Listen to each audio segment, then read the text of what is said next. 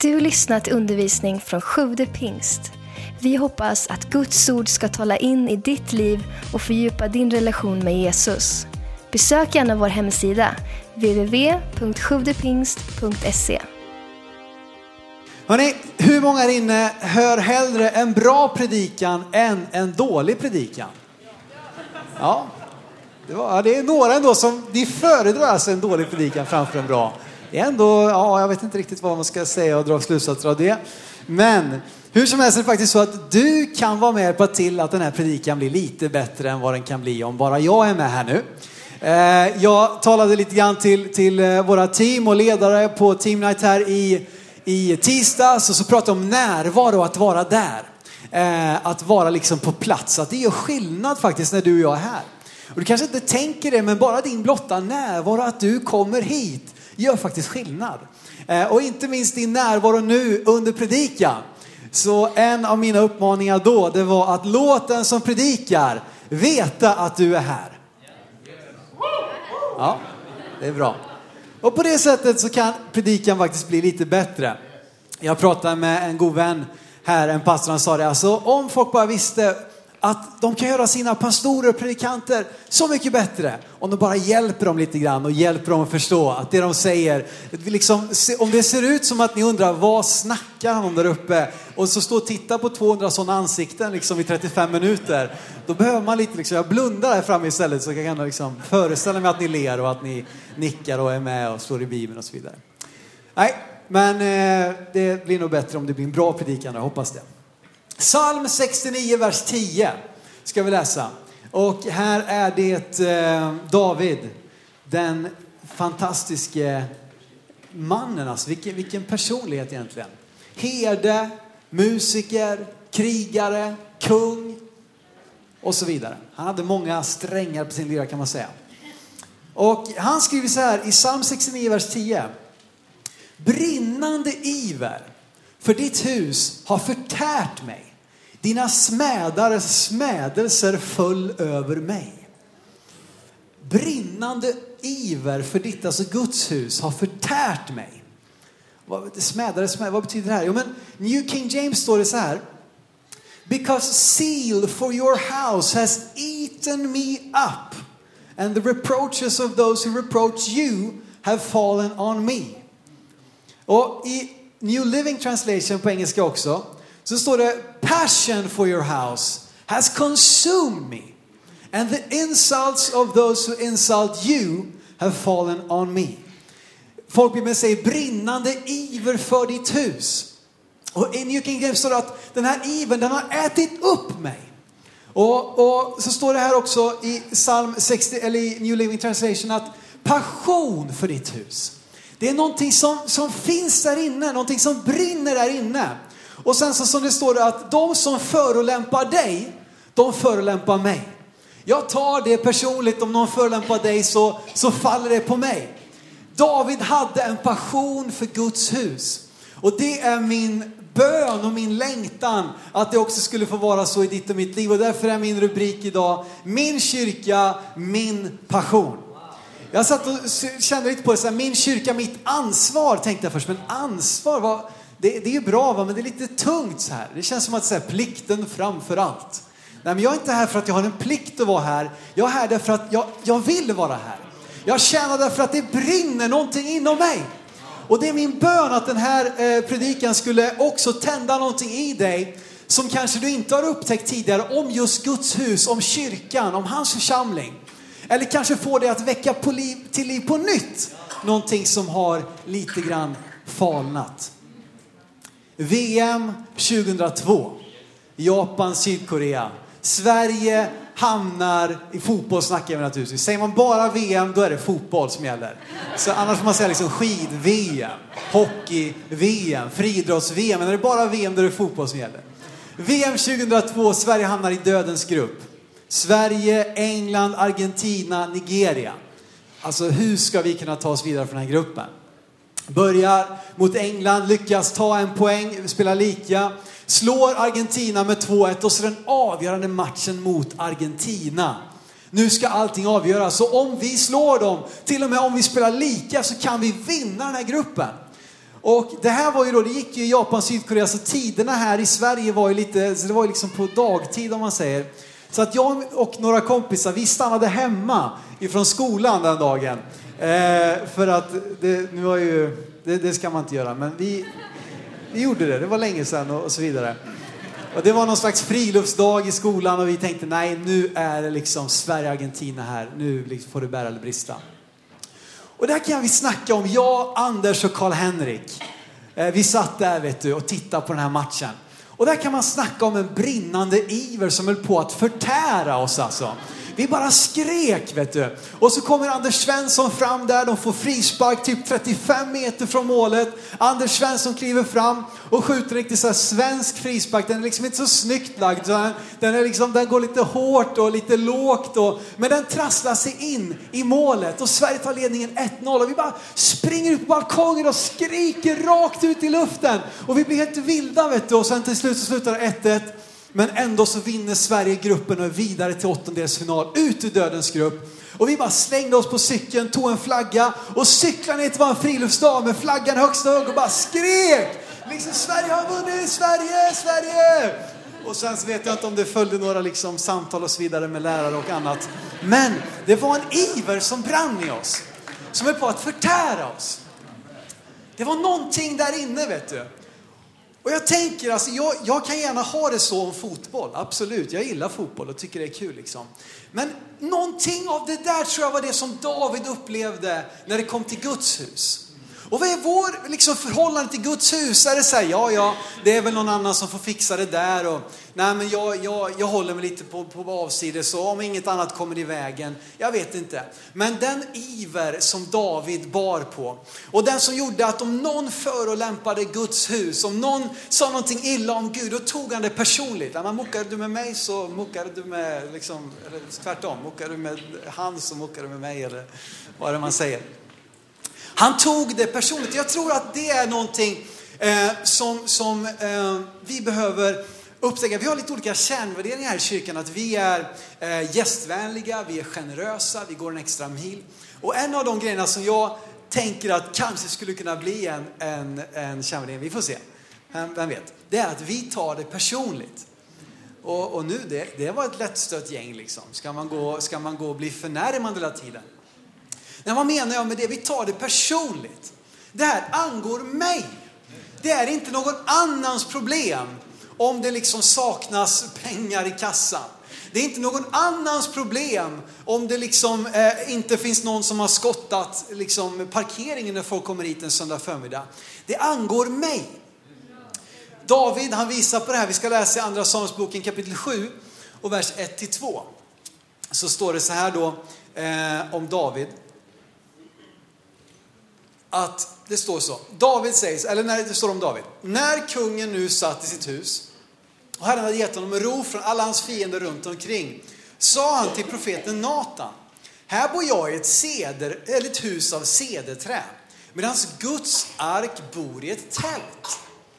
Han kände, det här angår mig. Här bor jag i ett fint hus medan Guds ark, den levande guden själv, han liksom, symbolen för hans närvaro och hans helighet, det står i ett tält någonstans och rostar. Nu var det inget dåligt tält, det var ett fint tält, precis som Daniel nämnde om förut. De samlade in gåvor. Men David kände att så här kan vi inte ha det längre. Nu är vi inte längre på vandring genom öknen, utan Guds, liksom, eh, Guds ark, Gud själv behöver ha ett finare hus. Jag kan, kungen kan inte ha ett finare hus än vad Gud själv ska ha, så att säga. Och sen så eh, liksom går storyn vidare om hur David, han fick inte vara med och bygga templet, men han fick vara med och samla in så att materialet fanns där för hans son Salomo att ta över. Och det är väl också en fantastisk bild av att, av att kanske lite äldre, resursstarkare människor får vara med och ge och investera och lämna över det man har samlat in och byggt upp och investerat till en ny generation att bygga upp det. Till att bygga ett gudshus som är starkt. Men att han tog det personligt. Och det är någonting jag tror eh, vi behöver få tag på. Sven predikade förra veckan om församlingsplantering och talade om att nya församlingar vinner procentuellt fler människor än etablerade församlingar gör. Varför då? Jo, därför att är man tio personer som startar någonting, då inser man att hallå, det är ingen annan som kommer se till att det här funkar förutom oss. Det är ingen annan som kommer vinna människor för Jesus utom oss. Medan i en kyrka som är i, i, liksom svenska mått mätt som våran, lite större, eh, där kan man tänka, nej men det är nog någon annan. Ah, men jag, jag struntar lite i att liksom vara med och ge och till tionde och såna här saker. Det är någon annan som har mycket bättre betalt än vad jag som fixar det där. Eller jag behöver inte städa, det, det är väl någon annan som städar i kyrkan. Eller jag behöver inte vara med och tjäna. Eller jag behöver inte bygga relationer med mina kompisar till att kunna bjuda med dem till kyrkan. För det, det gör väl de där ungdomarna liksom. Det är väl de som håller på med sånt där. Och, du vet att man tar det inte längre personligt. Och då bara slog det mig när Sven predikade att, att tänk om vi kunde vara en kyrka, eller om vi kunde ha en stor kyrkas styrka, en stor kyrkas styrka, det var ett roligt ord, med en liten kyrkas engagemang. Jag ska säga det igen. Tänk om vi kunde ha en stor kyrkas styrka med en liten kyrkas engagemang. Det trots att vi är många så börjar vi inte längre tänka, ja ja det är någon annan. Nej, vi är många, men vi bär alla den här personliga passionen, iven, ansvaret, känslan för Guds hus, för hans församling. Eh, och då tror jag att ingenting faktiskt kan stoppa oss. Jag tror att vi skulle kunna nå långt många fler än vad vi någonsin har gjort tidigare. Jag tror att vi skulle kunna nå längre, nå djupare, hjälpa flera. Om vi hade en stor kyrkas styrka med en liten kyrkas engagemang. Och för det ska hända så tror jag att vi tar det personligt. Och inte då som sagt att vi, är, vi, liksom, vi, vi har långa och många stortår så att vi är lätta att bli stötta. Men vi känner att det här angår mig. Och därför skulle jag vilja nämna nu några saker här, för en del av er är det här basic, liksom. jag vill ändå måla bilden av vad kyrkan är för någonting. Jag skulle vilja ge er fyra stycken punkter där kanske de två första hänger ihop lite grann och de två sista hänger ihop lite grann. Men bara att, att få en förståelse av vad kyrkan är, vad Guds församling är för någonting. Och vi ska läsa till att börja med ifrån första Korinthierbrevet kapitel 12 och vers 27. Här finns ett helt kapitel där Paulus undervisar om just församlingen med, tycker jag, den vackraste bilden utav alla för att beskriva vad församlingen är. Han beskriver eh, församlingen som en kropp och sammanfattar här i vers 27, första Korinthierbrevet 12. Ni är alltså Kristi kropp och var för sig delar av den. Ni är Kristi kropp. Församlingen, kyrkan är Kristi kropp. Och vad är Kristi kropp? Jo, men det är ni. Ni som har en tro på honom. Att det är du och jag som är hans kropp här på jorden. Och den här bilden är så stark att om, om vi är Kristi kropp och Gud vill göra någonting i den här jorden, i den här världen, då behöver han ju sin kropp för att göra det. Det står också att Kristus är huvudet, det ska vi inte glömma bort. Han är huvudet. Till honom ska vi växa upp, till honom ska vi utvecklas att bli mer och mer lika. Från honom tar vi våra direktiv. Men inte desto mindre så är faktiskt du och jag kroppen. Vi som har tagit emot Jesus i våra hjärtan. Och då betyder det också att om jag vill ha en relation med Jesus jag vet inte om du har bra, du, alla av er har säkert någon kompis och sådär, någon polare, någon ni hänger med, umgås med, trivs med. Kanske ni är gifta till och med med någon och sådär. Och då vill man inte bara ha relation med den personens huvud, eller hur? Jag tar det här uppifrån, axlarna uppåt, det kan jag handskas med. Men resten, nej, nej, nej tack. Men lite sådär blir vi kristna när vi säger att jag älskar Jesus, jag vill ha med honom att göra med kyrkan. Nej, det är liksom, det är inte riktigt för mig och det är inte min grej och sådär. Ja, men det blir lika knäppt som att säga att jag vill lära känna ditt huvud men inte liksom resten av, av dig. Det, det, blir konstigt va? Och säga, men jag är en del av den globala kyrkan. Absolut, fantastiskt. Det är det som är så fantastiskt att Kristi kropp inte är begränsat till vare sig pingst eller ekumenia eller Frälsningsarmén eller Svenska kyrkan. Utan alla som åkallar Herrens namn ska bli frälsta står det i Bibeln. Så att vi utgör ju Kristi kropp tillsammans med alla kristna i alla olika samfund som har den här grundläggande bekännelsen till Jesus Kristus och som också tar emot hans ord som Guds ord och så vidare. Och sen så kan vi liksom se att vi har lite olikheter, olika stilar, olika betoningar. Men vi är en del av det stora och det är ju fantastiskt. Att kunna resa, jag älskar när man är ute på resande fot kanske, eh, är på semester någonstans eller reser någonstans. Och så kan man vart man än är i världen hitta en lokal församling som samlas till gudstjänst den veckan. Och så kan man åka dit och känna att wow, det här är min familj. Jag hör hemma här. Det här är mitt folk. Men jag tror inte heller att vi ska gömma oss bakom det faktum att vi är en del av en global kyrka. Jag tror att det tar sitt uttryck i att vi också är planterade i en lokal församling. Visa din tillhörighet till den globala kyrkan genom att också vara en del av en lokal församling. Och om inte du trivs, om, inte du, om det inte funkar liksom i den kyrkan du är, ja men byt kyrka då. Det, det, det, liksom, det behöver inte vara, naturligtvis, vi ska inte bara hoppa runt och byta hej vilt, men alltså om, om det inte funkar, om du inte kan vara med och det är ingenting som stämmer och ingenting du gillar, ja men hitta en kyrka där du trivs då. Vi behöver en församling. Vi behöver en, en plats att ha våra fötter på. Och du vet, det är också det fantastiska här, om vi bara lämnar den delen, att Gud, han talar ju och agerar genom sin kropp. Jag menar, om vi då eh, ska, tänker en tanke i vårt huvud, så är det ju sen kroppen som lever ut den, eller hur? Det är kroppen, det är händerna som kan liksom forma någonting, som kan hälsa på någon, krama om någon. Det är benen som kan föra oss till en plats så att munnen kan tala och så vidare.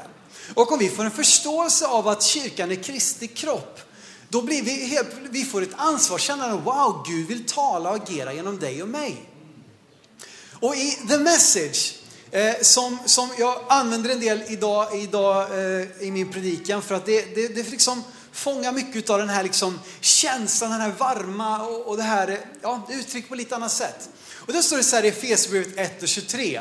Och The Message är alltså en parafras, det är liksom en, vad ska man säga, skrivet med modernt språk liksom av Bibeln och fånga upp vad, vad det innebär ifrån grundtexten och så, så att man ska liksom inte ha här kanske som det är här jag, jag går ner för att se exakt, exakt, exakt vad står i det ordet, den versen. Men det ger oss en förståelse och hjälper oss att det landar lite mer i vår vardag när vi läser de här typen av parafraser som message, levande bibeln och så vidare. Och där står det så här. The church is Christ's body in which he speaks and acts by which he fills everything with his presence. Fritt översatt till svenska. Den finns på svenska, men den, jag tycker inte den är så bra tyvärr. Eh, fritt översatt till svenska så står det så här, kyrkan är Kristi kropp, genom vilken han talar och agerar, genom vilken han fyller allt med sin närvaro. Att kyrkan är Kristi kropp, eh, och det är genom den som Gud vill tala, agera. Det är genom den som han vill forma och fostra nya lärjungar. Det är genom den som han vill nå ut till den här världen med världens bästa budskap. Kyrkan är Kristi kropp. Och vidare då, vad är då Kristi kropp? Jo men kyrkan är också du och jag. Det är du och jag som utgör Kristi kropp. Och vilka är du och jag? Jo, vi ska läsa här också ifrån första Korinthierbrevet 12. På tal om, om att Paulus undervisade om församlingen. Första Korinthierbrevet 12, vers 13. Vilka är då liksom, hur blir man en del av kroppen? Om, kyrka, om, om kyrkan är Kristi kropp, och det är genom Kristi kropp som Gud agerar, talar, som genom vilken han fyller allt med sin närvaro, genom vilken han vill nå ut till den här världen. Då blir det ju intressant att veta hur blir man en del av kroppen. Det blir liksom, jag vill vara med. Jag vill också vara en del av den här kroppen. Så står det så här, första Korinthierbrevet 12-13. I en och samma ande är vi alla döpta för att höra till en och samma kropp. Vare sig vi är judar, greker, slavar, fria och vi har alla fått en och samma ande utgjuten över oss. I en och samma ande har vi blivit döpta till en och samma kropp. Vägen in i kroppen är genom dopet. Och det är därför vi betonar dopet så mycket. Att vi vill inte frikoppla dopet ifrån frälsningen, utan vi vill se det som en del av frälsningen utifrån Nya Testamentets undervisning och också eh, utifrån eh, den här förståelsen av Guds församling. Eh, och därför så vill vi bara uppmuntra människor som har fått en tro på Jesus att bli döpt bli döpt. Här kan vi också liksom i olika kyrkor ha lite olika traditioner.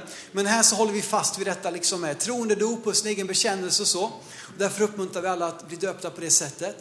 Men eh, genom dopet blir vi en del utav kroppen, blir vi en del utav församlingen. Och därför är ju kyrkan du och jag.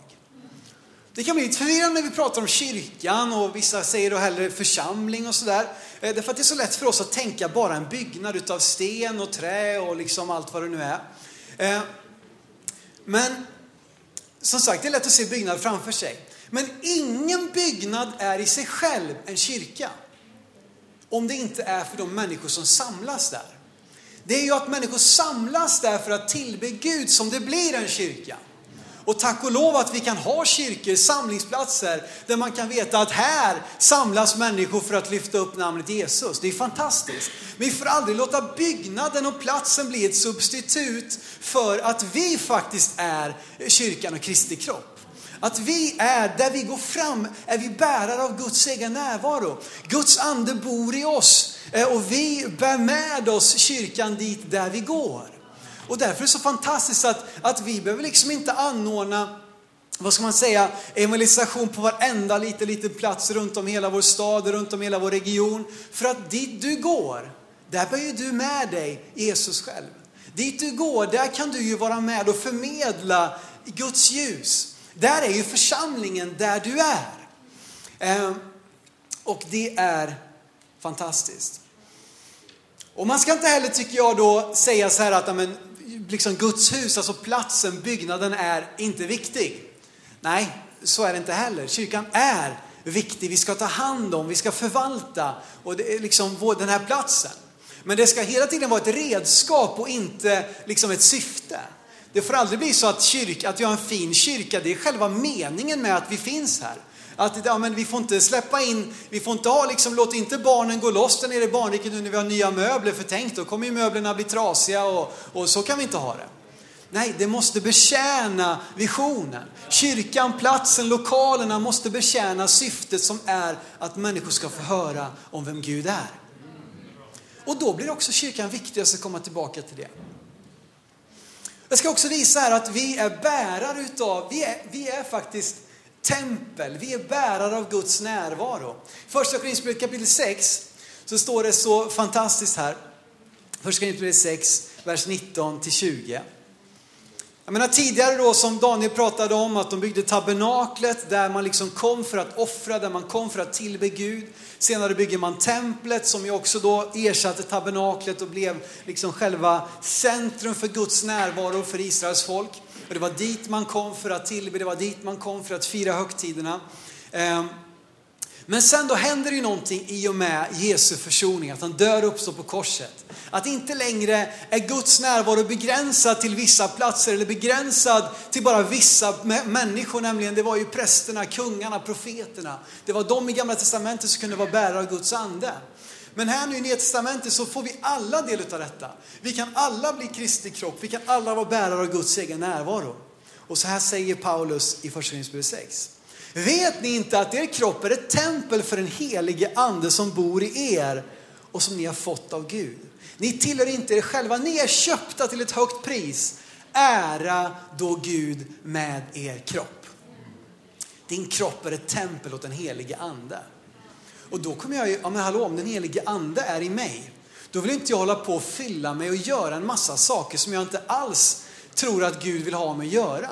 Då vill jag ju liksom avgränsa mig från det som, är, som, som, som liksom går emot Guds vilja därför att jag är bärare av hans närvaro. Inte på grund av att jag är duktig i mig själv utan på grund av Guds nåd. Men på grund av den nåden så vill jag ju också bli mer lik Jesus så att jag kan vara ännu bättre ett, ett exempel på vem han är. Kyrkan är du och jag. Någonting mer då, en, en, eh, en, en, återigen en vän, samma vän som förut faktiskt. Han sa så här, kyrkan är den bästa evangelisten. Vad menar vi med detta nu? Vi är evangelister, det är väl människor? Jo. Och sen så är det klart, kyrkan är då du och jag, vi är människor och då är vi evangelister. Och, ja, det blir lite rörigt här. Men jag tror att vi ska lyfta fram både att du och jag är församling, men också att Guds hus och de platser där vi samlas för att mötas är viktiga. Men det är den bästa evangelisten, en bra plats att vinna nya människor. Och det står så här, Johannes 13, 34-35. Eh, så undervisar Jesus här och, och du som är en van bibelläsare kanske vet att det här är det som kallas för det nya budet. Det budet som Jesus ger och egentligen det enda budet vi har blivit kallade i det nya förbundet att följa. Ehm, I, i, i Johannes 13, 34. Det står så här. Ett nytt bud ger jag er, att ni ska älska varandra. Så som jag har älskat er ska också ni älska varandra om ni har kärlek till varandra ska alla förstå att ni är mina lärjungar. Så att hur du och jag är mot varandra, hur det är här när vi samlas till gudstjänst, men också hur vi är ute bland folk, ute bland våra vänner på vår arbetsplats. Det kommer vittna om den Gud som vi tillhör. Eller så, och det kommer ju antingen då ge ett gott intryck eller ett dåligt intryck. Men att du och jag kan ju antingen skrämma bort människor att, ja men som de där är. De håller ju bara på och bråkar och trilskas och är liksom tjuriga och när man kommer dit, det är ingen som hälsar på en. Och, men tvärtom, om de ser den kärlek ni har till varandra så ska de förstå att ni är mina lärjungar. Och de kan komma in här och mötas av en kärleksfull atmosfär. De kan komma in hit och mötas av en välkomnande plats. De kan se på dig på arbetet, du hänger inte med i skitsnacket på, i lunchrummet. Du är inte den som håller på och fuskar med stämpelklockan. Du är inte den som liksom snor med dig grejer, liksom tar med dig 40 pennor hem varje dag för att du, du, ja men de kan jag ju ta med mig. Nej, du är den som, som visar en god arbetsmoral.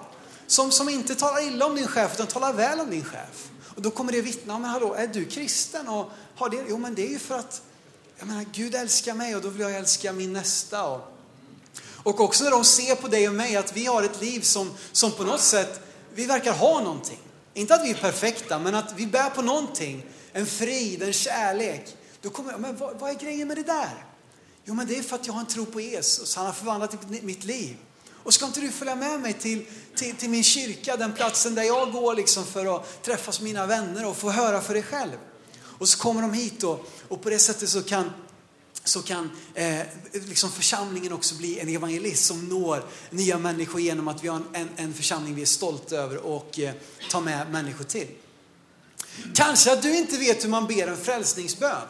Jag tror absolut på liksom ett personligt själavinnande, att alla kan vinna människor för Jesus och så här. Men ibland så blir det en sån tyngd på våra axlar att vi känner, jag vet inte om jag klarar av det här. Jag vet inte hur man gör, jag vet inte vad man ska säga, jag kan inga bibelord. Ja men vet du vad, det kan vi hjälpa dig med. Ta med dina vänner hit till kyrkan. Så vill vi på ett bra sätt få berätta och ge dem också tillfälle att ta emot Jesus. Har ni inte evangelisation på gator och torg och runt omkring överallt?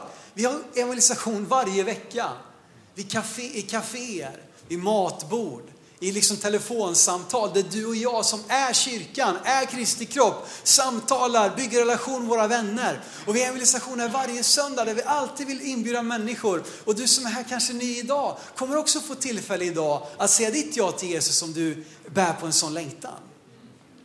Vi har en möjlighet här att ha en kyrka som kan vara med och vinna nya människor för Jesus. Kyrkan är på ett uppdrag. Vi har ett uppdrag, det är min sista punkt här om vad kyrkan är för någonting. Vi är på ett uppdrag. Eh, Markus 16, välkända ord, Jesu missionsbefallning. Han, det är liksom det sista han säger och ni vet att det sista man säger det, det är någonting viktigt. Om man vet att man inte ska träffa någon på ett halvår, då, då kanske man inte bara tänker, ja du mjölken är lite gammal, kan du liksom tänka på att köpa ny sen? Nej, då säger man ju någonting, du vet väl om att jag älskar dig. Eh, oavsett vad som händer nu så ska du veta att, att du, du betyder allt för mig. Alltså man säger någonting av värde. Eller man säger någonting på sin dödsbädd som man vill att de andra ska bära med sig. Och här säger Jesus sina sista ord och vi har en möjlighet här att låta hans sista ord bli vår första prioritet. Markus 16 och vers 15 och sen hoppar vi fram till vers 20. Jesus sa till dem, gå ut i hela världen och förkunna evangeliet för hela skapelsen. Och de gick ut från vers 20. Gå ut, sa Jesus i vers 15. I vers 20 står det, och de gick ut och predikade överallt. Herren verkade tillsammans med dem och bekräftade ordet genom de tecken som åtföljde det. Vi får aldrig glömma att själva syftet med kyrkan är att vara Jesu händer och fötter. Det får aldrig bara handla om att vi som är här ska trivas och ha det bra och mysigt och härligt. Nej, vi är här, vi är på ett uppdrag. Att tala om för så många vi har möjlighet till att få möta Jesus. Att göra alla folk till lärjungar. Inget annat får ha en högre prioritet. Vi kan leva med mycket, men inte att inte människor blir frälsta. Om inte det händer, men då har vi stora problem. Mycket annat kan hända och det kan vara problem, men så länge människor blir frälsta så har vi någonting på spåren. Vi har någonting att jobba med och vi är på något sätt på ett uppdrag. Vi var uppe nu på Pingstpastor för ett par veckor sedan. Vi samlades 500 pastorer och ledare från hela landet. Och så var det en man där, Rob Ketterling från USA. Eh, fantastisk, eh, härlig förkunnare och han har startat eh, kyrkor från scratch som nu, de finns på massa olika platser och många tusen människor bara på 20 år har det vuxit.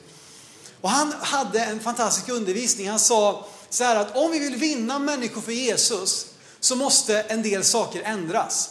Och så hade han ett antal punkter. Och den första punkten han sa, det är så här. Det första vi måste göra om vi vill vinna människor för Jesus, det är att vi måste tänka på hur vi ser ut. Och då kan du, va? Hur vi ser ut? Ska vi inte be mer, läsa Bibeln mer, liksom allt det här? Men tänk på det, ja men Gud ser ju till hjärtat. Absolut, Gud ser till hjärtat. Men människan ser faktiskt till det yttre. Det står så i första Samuelsboken kapitel 16, vers 7 när Samuel ska hitta David, den rätta kungen. Så David, eh, liksom Samuel han bara tittar på den som var störst och den som var äldst och den som var starkast. Men Gud han såg när annan, såg David, den yngste som inte ens var kallad till mötet att bli utvald till kung. Och så står det så här att Gud, en människa ser det som är för ögonen. Men Herren ser till hjärtat. Så att Herren ser till hjärtat, absolut. Och det är dit vi vill komma. Vi vill komma ner på djupet. Vi vill inte bara vara en, en yta liksom. Vi vill komma på djupet, men för att komma på djupet för att, bland vanliga människor så är ytan viktig. Hur det ser ut blir viktigt. Vi måste ta bort varje hinder för en människa att komma fram till Gud. För du vet att om människa kommer hit, åker förbi vår kyrka och det, liksom, det, det, ser sjaskigt ut och det är nedsläckt. Liksom. Och det är så här, de har börjat få en längtan, Guds ande har börjat verka i deras hjärtan. Att kanske att jag skulle ändå testa det här med Gud, kanske att jag skulle prova på det där. Och så börjar de, ja men kanske den där kyrkan och så går de ut på hemsidan liksom och det, det som står i kalendern, det hände för tre år sedan.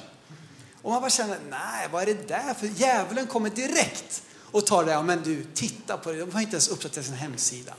Titta på hur det ser ut utanför deras kyrka. Det är sjaskigt och det är övervuxet och det är liksom, det, det, de har inte målat på hundra år liksom och kommer in i kyrkan, det är en tidsmaskin liksom. Man vet inte om det är ett museum eller om det är, vad det är för någonting. Och du kan säga, men vad är det här viktigt? Det handlar ju om Gud. Jo, men kom ihåg vad han sa här. Människan ser till det yttre. Så om vi vill komma in på hjärtat till människor så måste vi tänka på hur det ser ut. Vi måste ta bort varje hinder för en människa att nå fram till Jesus.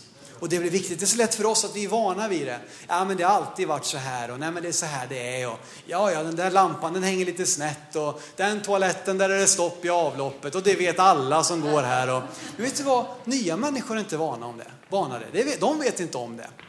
Och det där kan bli ett hinder. Varför städar vi här varje vecka? Varför är det viktigt att vi gör det tillsammans? Jo, men ska man komma hit till en sjaskig och smulig och liksom sölig kyrka, liksom, vad är det? De städar inte ens. Liksom. Jag drar någon annanstans. Jag åker liksom till, till, till O'Learys, för där har man i alla fall liksom någon som svabbar golvet. Och så försöker man fylla då sitt liv med något annat. Det här är naturligtvis inte det enda att tänka på, men det är en viktig tanke och det var det första han nämnde. Så det jag försökt måla här det är en bild av vad kyrkan är och jag hoppas att, att det på något sätt kan smitta av sin passion av att det här är min kyrka, det här är min passion. Det här är det som brinner i mitt hjärta. Och det sista jag vill säga till dig är att plantera det i Guds hus. Plantera det i Guds hus. I psalm 92 så står det så här. De rättfärdiga, alltså de som tillhör Gud, de som har en tro på Jesus, vi har blivit rättfärdiga genom honom. De grönskar som palmer, de växer som sedrar på Libanon, planterade i Herrens hus, grönskande på vår Guds förgårdar. Även vid hög ålder bär de frukt, de frodas och grönskar. Det finns någonting här, ett löfte om att få grönska, att få växa, att även i hög ålder få bära frukt. Men vad är, vad är, liksom det, vad är, vad är rött? Vad är rotsystemet? Vad är ursprunget till det? Jo, men det stod att de är planterade i Herrens hus. Och utifrån den platsen, du vet att vad vi får för frukt här uppe. Om du vill ändra på frukten här uppe, som du kommer ut i ditt liv, så måste du tänka på vart du är planterad. Vart du har dina fötter. Och jag skulle vilja säga att du är så välkommen att plantera dig i den här församlingen. Jag vill också uppmuntra dig som kanske är här på besök och är med i en annan kyrka någon annanstans att bara, kanske det här kan ge dig en ny glöd, en ny gnista för din församling där. Men kanske är det också så att det är dags för någon att, att faktiskt ta steget. Kanske har du varit frustrerad, besviken över olika situationer och du har liksom glidit runt lite grann. Men låt inte det vara ett hinder för det som Gud vill göra för dig framöver, det som har hänt i det förgångna. Vi kan inte påverka det som har hänt, men från och med idag kan vi fatta beslut som kommer att påverka vår framtid. Fyra enkla saker hur du kan vara planterad i Guds hus. Att fira gudstjänst, att göra söndagar i Guds hus till en prioritet.